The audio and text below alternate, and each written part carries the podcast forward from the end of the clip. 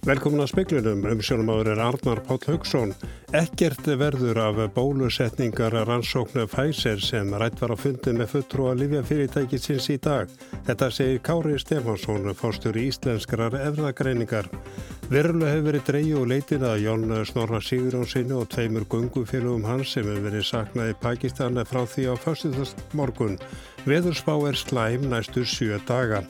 Útgerði landsins eiga greiða 4,8 miljardar króna í veiðigjald vegna síðasta árs. Kennarasamband Íslands fær vikulega símtöl frá kennurum sem telja sig verða fyrir óbeld af hálfu nefnda. Sambandið hvetur skólarstjórnendur til þess að gera viðbransáallun vegna óbeldis. Utaríkis málastjóri Európusambansins hyggst leggja til að refsi aðgeri kakvart Rúslandi verði hertar. Og rætt verðum við fórseta ISI og formann BSRB um nýja könnun á stöðu launafólks síðar í speiklinum. Ekkert verður af rannsóknarverkendi bandaríska livjaframlegandans Pfizer á virkni kórnuveirubóluefnisins sem rætt var á fundi sóttvarnalæknis, yfirlæknis, smitsjúkdóma deilda landsbítala, fórstjóra íslenskrar erðagreiningar og fullrúa Pfizer í dag. Þetta sagði Kári Stefansson fórstjóri íslenskrar erðagreiningar eftir fundin í dag.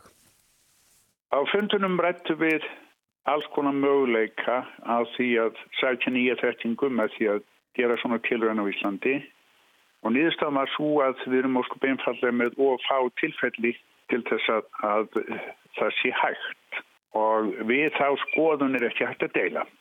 Við erum fornalöfum okkar eigin velgengni þegar tímar þessu.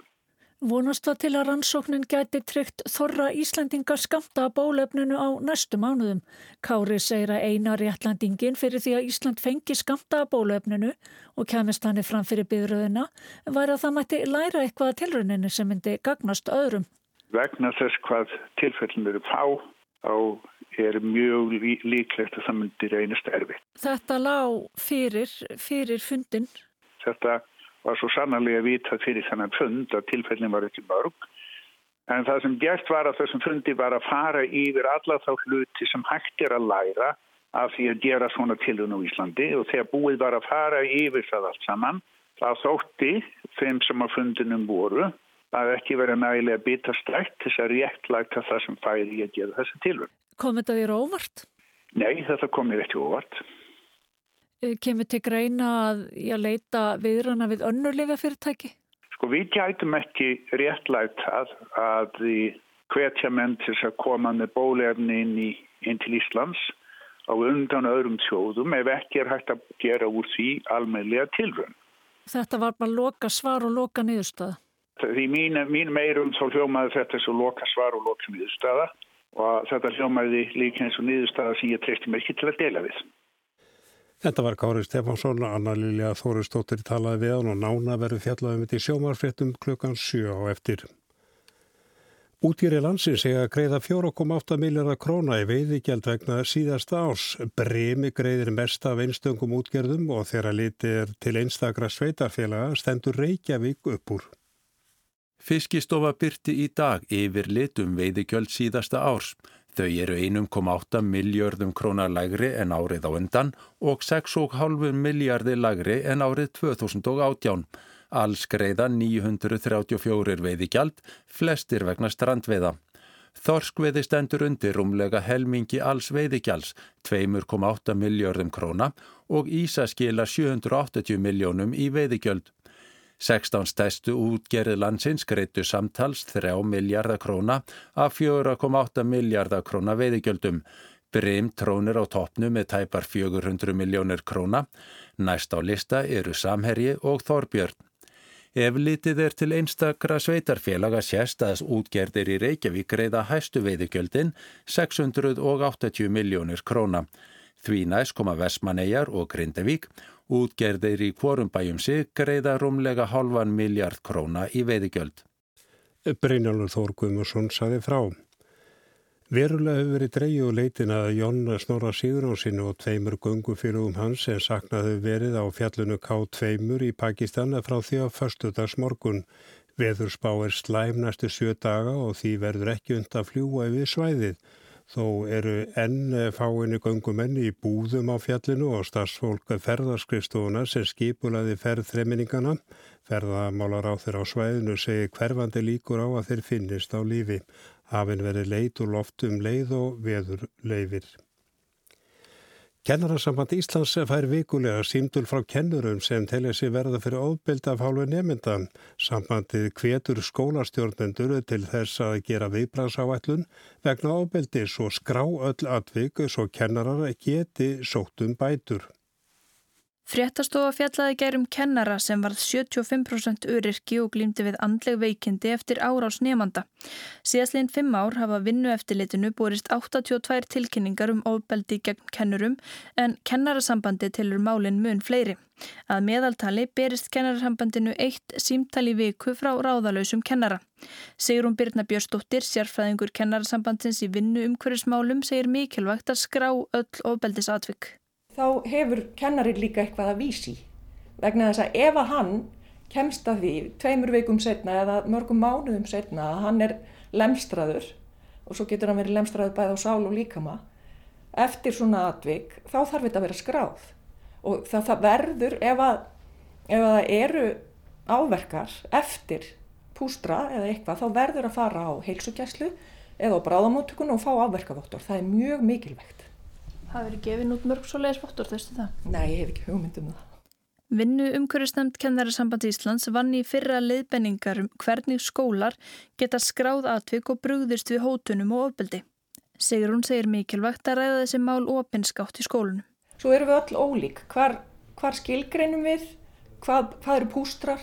Hvað eru ofbeldi?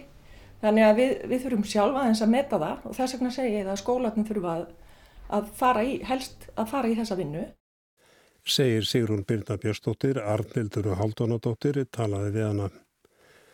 Jósef Borrell, auðaríkismálastjóru Evropasambansins, segist engin merki sjá um að rússar vilji bæta samskiptin við bandalagsríkin.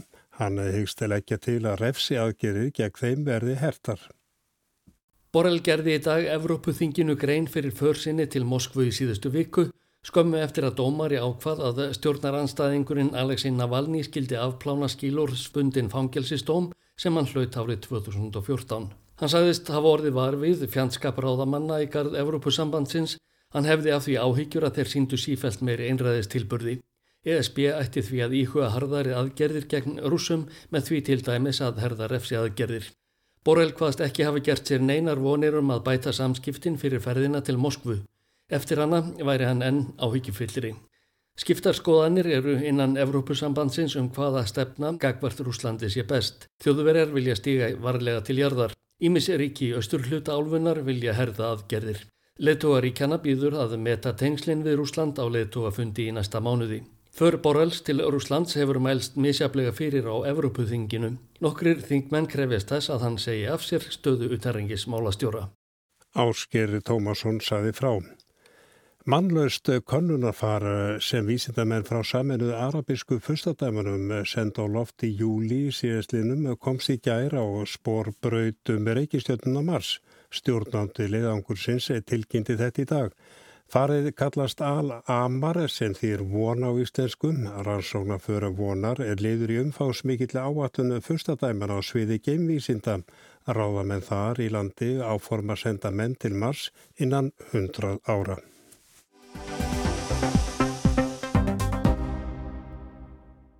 Um fjórðungu launafólks á erfitt með að ná endum saman staða atvinnulegstra er verri launafólks og staða inflétenda er talsveit verri en innfættra. Yfir 40 af 100 atvinnulegstra mælast með slæma andlega hilsu með að vefum 15 launafólks. Þetta er meðal þess sem kemur fram í nýri konun vörðu á stöðu launafólks. Varða er nýja rannsóknarstofnun vinnumarkaðurins sem ASI og BSR komu á laginnar. Og fjallavarum niðurstöðnar í speiklunum í gærin í dag var konunin formlega kynnt og ynga tilmínur um ættar Drífarsnættal, fórseti IC og Sonja Ír Þorbergsdóttir verið velkonar. Eh, við getum ekki farið nákvæmlega tölur, það er mikil já, talna regn í þessari konun en koma þessar niðurstöður ykkur á óvart og eru það að endur speikla já, stöðun á vinnumarkaði, byrjum að þeir drífa? Eh, það er náttúrulega ímislegt sem staðfestir það sem við höfum haldið fram áður. Það er að segja hvað það er, eh, tekur óbúslegan tolla fólki að vera atunlust. Eh, slæmstað á húsnæðismarkaði, sérstaklega slæmir, hérna, hópar í slæmiri stuðu sem eru inflytjandur og ungt fólk sem er að taka mesta skellin þarna. Svo er reyndar annað sem kemur fram í þessar konu sem ekki hefur komið fram áður. Það er í rauninni hvað fólk er að gera til þess að leita sér að vinnu, hvað það er tilbúið til þess að gera til þess að fá vinnu. Uh, og, en þetta svona bæði staðfestir það sem við vitað og svo er ímislegt sem kemur óvart og, og þar vil ég sérstaklega nefna uh, slæma andlega og, og líkamlega heilsu bæði atunleitenda og síðan líka kvenna á vinnumarkaði og þetta er náttúrulega eitthvað sem sko varpast svo yfir í uh, aukna örgu hjá konum. Það eru kannski náttúrulega í það og eftir en Sonja, svona, hvernig kemur þetta þér fyrir sjónir? Kemur þetta óvart? Það sem að kemur kannski hvað helsta óvart er umfangi, hvað þetta eru hlutfalslega margir, svona, þetta eru stærri hópar innan hóparna en maður gerðir aðferir. Auðvitað staðfest þetta að því leti til sem aðra rannsóknir hafa sínt að hóparnir sem þurfum að horfa til eru innflytjendur og atvinnuleysir og, og, og konur og ungt fólk og það er svona misjamt hvernig það er að bregðast við. En hins vegar þegar það kemur fram um fjórðung og launafórsi erfitt að frekar erfitt menna á endum saman og, og að 15 launafólks get ekki mætt óvöndum útgjöldum að þá er alveg ljóst að það þarf að breyðast við. Og síðan tek ég undir með drífu að það um fjórðungu hvenna búið við slæma andlega hilsu það eru þetta ótrúlega sláandi tölur. Og síðan kannski eh, það sem kom mér líka og vart var að auðvitað vissu við af því og líka frá síðasta hrunni að staða ungsfólks út frá langtíma atvinnleysi og svona það er eh, minna atvinnur ekki hjá þeim að hún væri einhver leiti lagari en þegar fjórðungur segist búa við slæma andlega helsu og þá er það líka svona stórt viðverðnuljós sem að þarf að bregðast við. En ég sagði þeim upp að við, já, hvort þetta endur speiklaði stöður á vinnumarkaði. Þessi könnu er gerði í loku nógumber og byrjum desember. Hún er kannski ekki gerði í vennilu árferði að faraldurinn setur svipsinn á svörin. Er ekki samanlega því? Jú, ég er sammálað því, uh, auðvitað bæði tímasetningi hvena könnun er gerð uh, og síðan faraldurinn en það var líka það sem við vorum að reyna að fanga í þessari könnun. Það er staða uh, atvinnuleitenda sérstaklega akkurat núna. Þetta er rauninni svona áður en bjart síniskastið út af mótefni fyrir að, fyrir að telja inn Eh, þetta er tekið líka í desember þannig að, eh, nógumber desember þannig að við þurfum svo sem að, að, að vita það líka að það er mikið álaga fólki að þá og, og kvíði kakvart jólunum og fjárastöðu og svo framvegis. En það má hins vegar ekki draga úr, úr vægi þessara könnuna og, og sem sínir hérna Eh, sem sínir sérstaklega það hvernig fólk, sko, að fólk hafi neyta sér um helbriðistöðunst í stórum stíl. Eh, það er töluvert herra hlutfall meðal atunleitenda heldur þeirra sem eru í vinnu eh, sem setur líka bara kastljósið á heilbriðiskerfið og aðgengi fólks að heilbriðiskerfinu og hvernig það getur nýtt það þrátt fyrir fjárhanslega stöðu. E, það er búið að klifa svolítið því að eh, eina á niðurstöðunum er að eh, fjórðungulun og fólks á erfitt meðan á endur saman. Já, hvað er þetta að segja okkur? Þetta ég að frátt að 75% er ná endum saman. Sonja, já, hvað er þetta nákvæmlega að segja okkur að launin séu á lág eða hvað? Já, kannski byrja á að nefna að einmitt útgangspunkturinn í þessari könnun var að, að skoða áhrif faraldsins og, og, og þessarar kreppu og þessan er þetta afmarka við þá og, við vitum auðvitað að það er að bregja sérstaklega stuðið aðtunleysa og þetta er verið tímabund ástand. En það sem að kannski kemur óvart að þegar stundum hefur umræðinu verið því haldið fram að, að í núverandi ástandi á skiptist fólk bara í tvo hópa þá sem hafa vinnu og ekki. En þessi könnun hún sínir allt annað og bregður öðru ljósi á þetta og, og það eru þetta niðurbrót á þessu hvaða fylgur í sér þegar raunverulega fólk býr við slæma fjárastöðu og, og þetta eru grunnþarfinnar sem að fólk næri ekki að sinna. Það á erfitt með að bara er í vanskilum eða hérna, næri ekki að borga af leigu og næri ekki að kaupa sér kjöt eða fisk eða græmit eða svona stabila máltíð. Og svo auðvitað koma allir aðri þættir sem að snúast að þessum grunnþörfum. Og við höfum lagt mikla áherslu á hækkunlegstu launa í kjærasamningum undanfærin ár og, og svona sitt hefur fólkið sínst um það. En það er alveg ljóst að, að það var forgámsverkefni og verður áfram. En það sem þarf að koma á móti er auðvitað stuðningu stjórnvölda og við höfum lagt mikla áherslu á að ekki hvað síst núna í þessu ástandi að þá þarf að horfa til þess að jafna byrðarnar. Drífaði mitt þetta að fjórðungun á ekki endum saman, já, hvað þýðir það nákvæmlega og þegar maður fer í konun á þessu fyrir nákvæmlega í niðurstöðunar að þannig verður að tala um launafólk, fólk sem er í fullri vinnu staðan er enn verið hjá sem, þeir sem er atvinnleysir og enn þá verið hjá innflytjendum. Hvað segir þetta okkur? Já, þetta segir okkur það að launin séu lág uh, og að uh, stöðniskerfi okkar sem við höfum búið til að þau ná ekki að steyðja við fólk með, með sæmilegum hætti. Það sem kemur líka fram í þessari könnun er sko veikstaða fólks á legumarkaði. Eh, þeir sem eru eh, eiga mestu draugasækja í samfélaginu að þeir eru á leikumarkaði eh, sem beinir líka sjónum að því hvað það er hægt að steyðja við fólk með til dæmis húsnæðisbótum sem er mjög einföld aðgerð, svona jöfnunar aðgerð til þess að létta fólki lífið og auðvelda fólki að ná, ná endum saman að því við veitum að húsnæðiskostnaður er ofta alveg gríðarlega stór hluti af útgjöldu fólks Eh, þannig að ég myndi svona, þetta svona staðfesti það að það þarf, það þarf reyna að byrja þar eh, auk þessum að sjálfsög baróttan fyrir hækulegastu laun heldur áfram.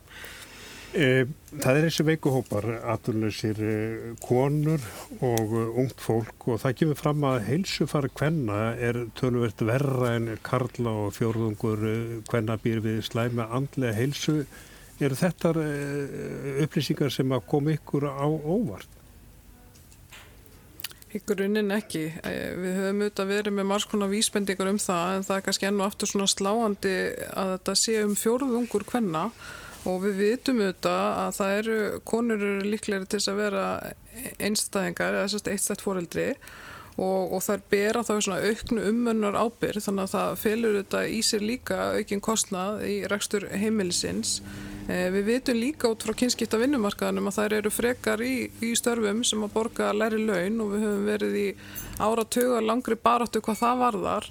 En, en staða innflytjenda og ungsfólks að hún er kannski aðeins nýrri fyrir okkur og það sem að má ekki gerast núna þegar við höfum svo sannarlega ekki náða að útrýma e, launamisetti kynjana er að, að við séum ekki að búa til stærri gjá heldur við séum að bregðast við til þess að, að tryggja að þessir hópar innflytjendur, ungt fólk og konur eigi jafna möguleika og jöfn tækifæri.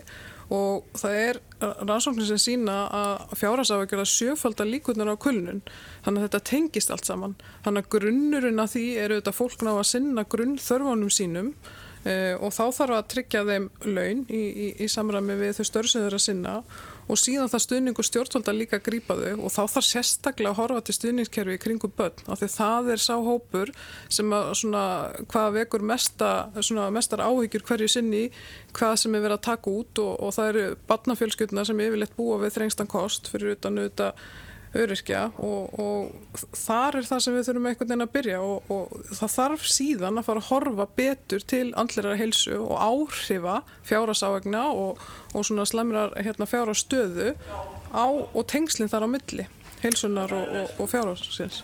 Drífa kjaraviður að fara fram um laun og kjör en er verkefnisefingin eða í kjaraviðraðum er ekki verið að fanga þess að hópa atvinnulöysa já, konur stöðu, kvenna og ungs fólks.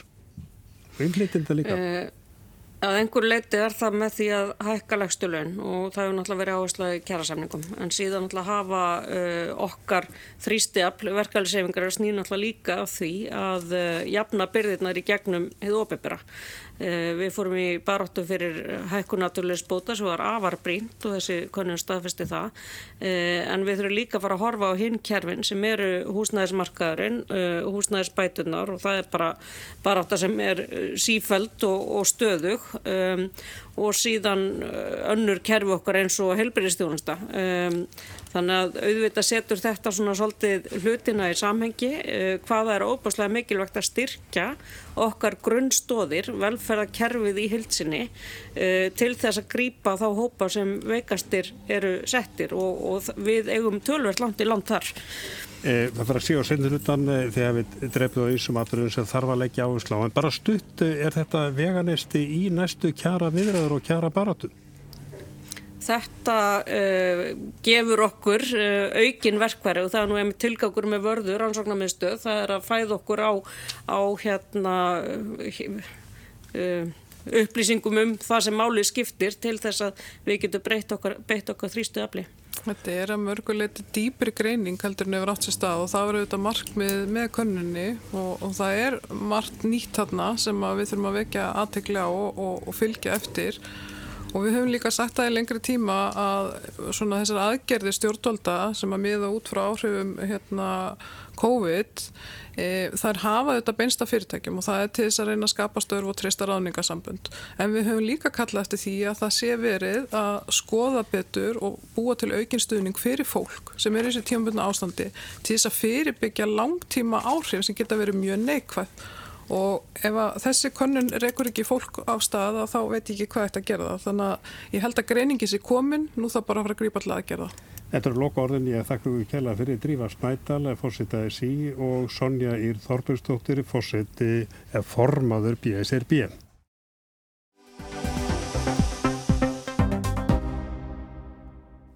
Og þátti Grænlands, eh, það er Olga í stjórnmálum á Grænlandi. Í síðustu viku fækkaði stjórnarflokkan úr, úr þremur í tvo er eh, demokratitt hætti stjórnar þáttökum. Kim Kielsen, formaða landstjórnarinnar, er því nú í fórustu minnilhutastjórnar aðeins 11 af 31 þingmannum styðja nú stjórnina. Kim Kielsen tók við stjórnarfórustu 2014 er hann varð formaður jafnamannaflokksins Síumút sem lengst af hefur farið með stjórnarfórustu á Grænlandi. Kielsen tapaði formannskjöru á landstingi Síumút í lokun november og Erik Jensen tók við. Kielsen er einhvað síður áfram formaður landstjórnarinnar. Össur Skarpínsson fyrirverðandi utanrikiðsráþurra segir að þetta sé ekki fyrsta sinn sem slík staða kom upp í grænleinskum stjórnmálum.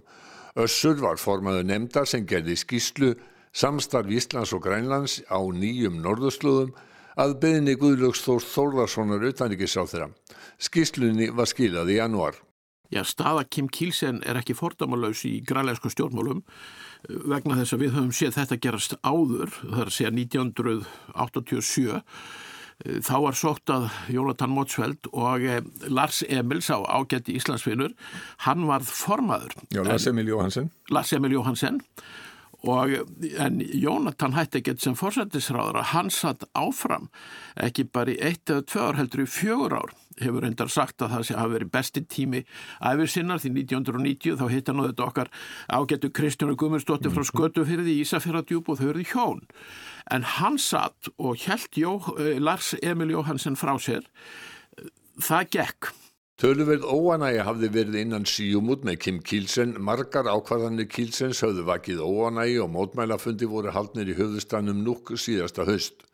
Seks af tíu þingmunum síumút lístu vantraust á Kielsen og kröfðust afsagnar hans fyrir tveimur árum. Þingmennirni sex og einnar á þeirra síumút sáði í yfirlýsingu að Kielsen hefði vanvirt þingið og kjósendur og tekið ýmsar ákvarðanir þvert gegn stefnu flokksins. Kílsen stóð nömlega af sér vantraust til úr stjórnarnarstöðunar í oktober í fyrra. Það kom því ekki á óvart að Kílsen skildi fá mótframbóð þegar gengi var til kostninga um formansembættið á landstingi Síumút í november. Erik Jensen, 45 ára gammal hagfræðingur og Vivian Motsfeldt, fórseti grænlenska þingsins, buðu sér fram gegn Kílsen. Jensen var kjörinn formaður, Vivian Motsfeldt var varaformaður og Inga Dóra Guðmundsdóttir Markusen varaformaður með ábyrð á skipulagsmálum flokksins. Þegar við skoðum Erik Jensen og Kim Kilsen, þá má ekki gleyma því að Kim er auðvitað mjög segur stjórnmálamar. Hann er búin að lifa af ótrúlega hluti síðan 2014, verið fórsættis ráðherra. Hann hefur mist fjölmarga ráðherra út úr ríkistjórnum af ymsum ástöðum. Hann hefur mist flokka út úr ríkistjórnum, hann hefur leitt minni hlutarstjórnir, en þá, þá er hann fórsættis ráðherra. Ég held að hans er komin í hvað krappastan sem hann hefur lendi núna. Mm. Erik Jensen er 10-12 árum yngri heldur en hann mjög vaskur, gammal grannlandsmeistari mörgunsunum í handbólta, mjög fylgin sér, íþróttaþjálfari og hann er ekki búin að vera lengi í stjórnmálum. Hann kom inn á þingið 2018 en var þá búin að vera ráðherra en það kom alveg skýrt fram um leið og hann var komin inn á þingið að þarna myndi skera stjóta. Hann hefur hvað eftir annað leitt uppreysnir, jáfnvel allur að Kim og Kim hefur lífað það alltaf og er enn á lífi þar að segja sem fósatistráþrá. Erik Jensen sagði þegar hann tók við forminsku í síumút að það væri þingsins að ákveða hver væri formaður landstjórnarinnar en hann hefur ekki dulið áhuga sinn á að taka við stjórnarfóristu. Erik Jensen er byrjaður í samtölu með aðra flokka. Eh, Grænleiska þingi kemur saman í, í næstu viku og það er alveg ljóst að þessir tveir flokkar sem eftir eru í ríkistjórninu og hafa myndað minni hlutastjórn, þeir eiga mjög undir höggasækja. Margir búast við því að það verði skrifaður kostningar og innan skams þá verður hugsanlega ný stað uppi. Ég er ekki alveg jafnveg sem það sko. Stjórnskipulega þá er ekkit auðvelt í kem að skrifa út e, e, eða kalla hverja til kostninga grænleik stjórnskipinu þannig að hann getur gert það ef það verður samþitt vantraust á hann og innan sex mánuða frá hefbundum kostningum. Þannig að eina leiðin til þess að ef hann vil það eða einhver hverja til kostningar þá er að leggja fram vantraust á núverandi ríkistjórn. Í dag eftir þessa dramatísku atbyrðarás þá er það bara eitt flokkur sem hefur sagt alveg skýrt, það er demokratið. Mm. Það er sá flokkur sem að rökk út úr ríkistjórninni út af málsmeðferð námuleifis í Suðurgrælandi fyrst og fremst en, en þar eru líka ólíkir hagsmunir að verki innan þess flokks. Annars vegar þá hefur sá flokkur verið að tapa talsveit miklu fylgi í skoðanakonunum eftir hann gekk til liðs fyrir ríkistjórnina. Hins vegar er hann með nýjan og vaskanforman, þann þriði á tveimur árum sem er ekki á þingi og fýsir mjög inn á þing. Þeir hafa listi yfir að þeir vilja í kostningar. Ég er ekki alveg vissum að þegar á reyni þá mjög nöður gera það. Hvernig, hvernig er staðan á Grönlandi, ekki bara í pólitíkinu hún er þannig að COVID þar eins og hér. En það er hávetur á Grönlandi og innan skams eru líka í april, sveitarstjórnarkostningar það þarf nokkra dyrsku á þessum tímum til þess beinlinis að krefjast kostninga Síumút og Inuit Atakatikit EA eru langstæstu flokkar Grænlands. Össur Skarpíðinsson hefur ekki trú á að fórista EA leggji mikla áherslu á að efna til kostninga strax. Hinn af þessum tveimur törnum sem er IA, grænleiska Vafki, mm -hmm. sem er svipa á Vafki á Íslandi búin að finna sér stöðu sem miðaldra hægfara sósialdemokratísk flokkur, er ekki lengur byltingaflokkur eins og hann var í upphafi, mjög skinsamur flokkur með ungan og öflugan leiðtoa, skoðar þann flokk, þá hefur hann í gegnum þetta kjörtímabil frá 2018 alltaf verið að bæta við sig jæmt og þjætt, hann er núna búin að bæta við sig næstu 10% og þá tekja frambói Kim staðið síðla, hann er búin að bæta við sig 3-4 en sko þeim liggur ekkert á og það er alltaf svo hætta að við þessar aðstæður frera og, frost og COVID þá viljið þjóðin ekki tvennar kostningar því að sveitastjórnarkostningarna eru handan við horni sem ég finnst líklegt að í að bara býði átækta Kim, eins og ég sagði á hann hann er náttúrulega ólsegastur allra grænleiskara pólitískara dráttarklára sem ég mann eftir. og ég held að hann lítur svo á að hann eigi möguleika á að eiga enn svona indverst sumar í grænleisku stjórnmálum og það er svona mín spá að hann muni fresta þess að reyna að leiða minni hlutu stjórn fram yfir vetur fram í haustið, ná fram fjárlögum og sjá svo til. Þá getur allt gerst ef hann kemur þeim fram. Og þetta var Össur Skarpiðarsson og Bói Ágússon að talaði við hann. Og það var helst í speiklunum í kvöld eh, frétt sem að beði eftir að ekkert verður af bólusetningar ansóknar fæsir sem rætt var á fundi með fötrum lífjafyrirtækisins í dag. Þetta saði Kári Stefánsson, formar íslenska erðagreiningar hér rétt á hann í speiklunum Og nú er búið að tala við Katrinu Jakobsdóttur fórsættistráðurann. Hún segir að það hefði vissulega verið vonbreið að ekkert yrði af rannsókn að fæsir hér á landi. Nýðustar hafi þó ekki komið á óvart. Það lána fyrir þegar ég heyrði í okkar vísindamönnum fyrir þennan fund að þeir töldu nú að þetta geti bröðið til ekki að vona. Þannig að ég var nú undirbúin undir hvora nýðustöðu sem er. Og þetta var Katrin Jakobsdóttir og nánar að verið tala við hana í fréttum okkar, sjómansfréttum okkar klukkan sjön. En við látum þessu loki í speiklunum að þessu sinni, tæknumar var Mark Eldred, verið í sæl.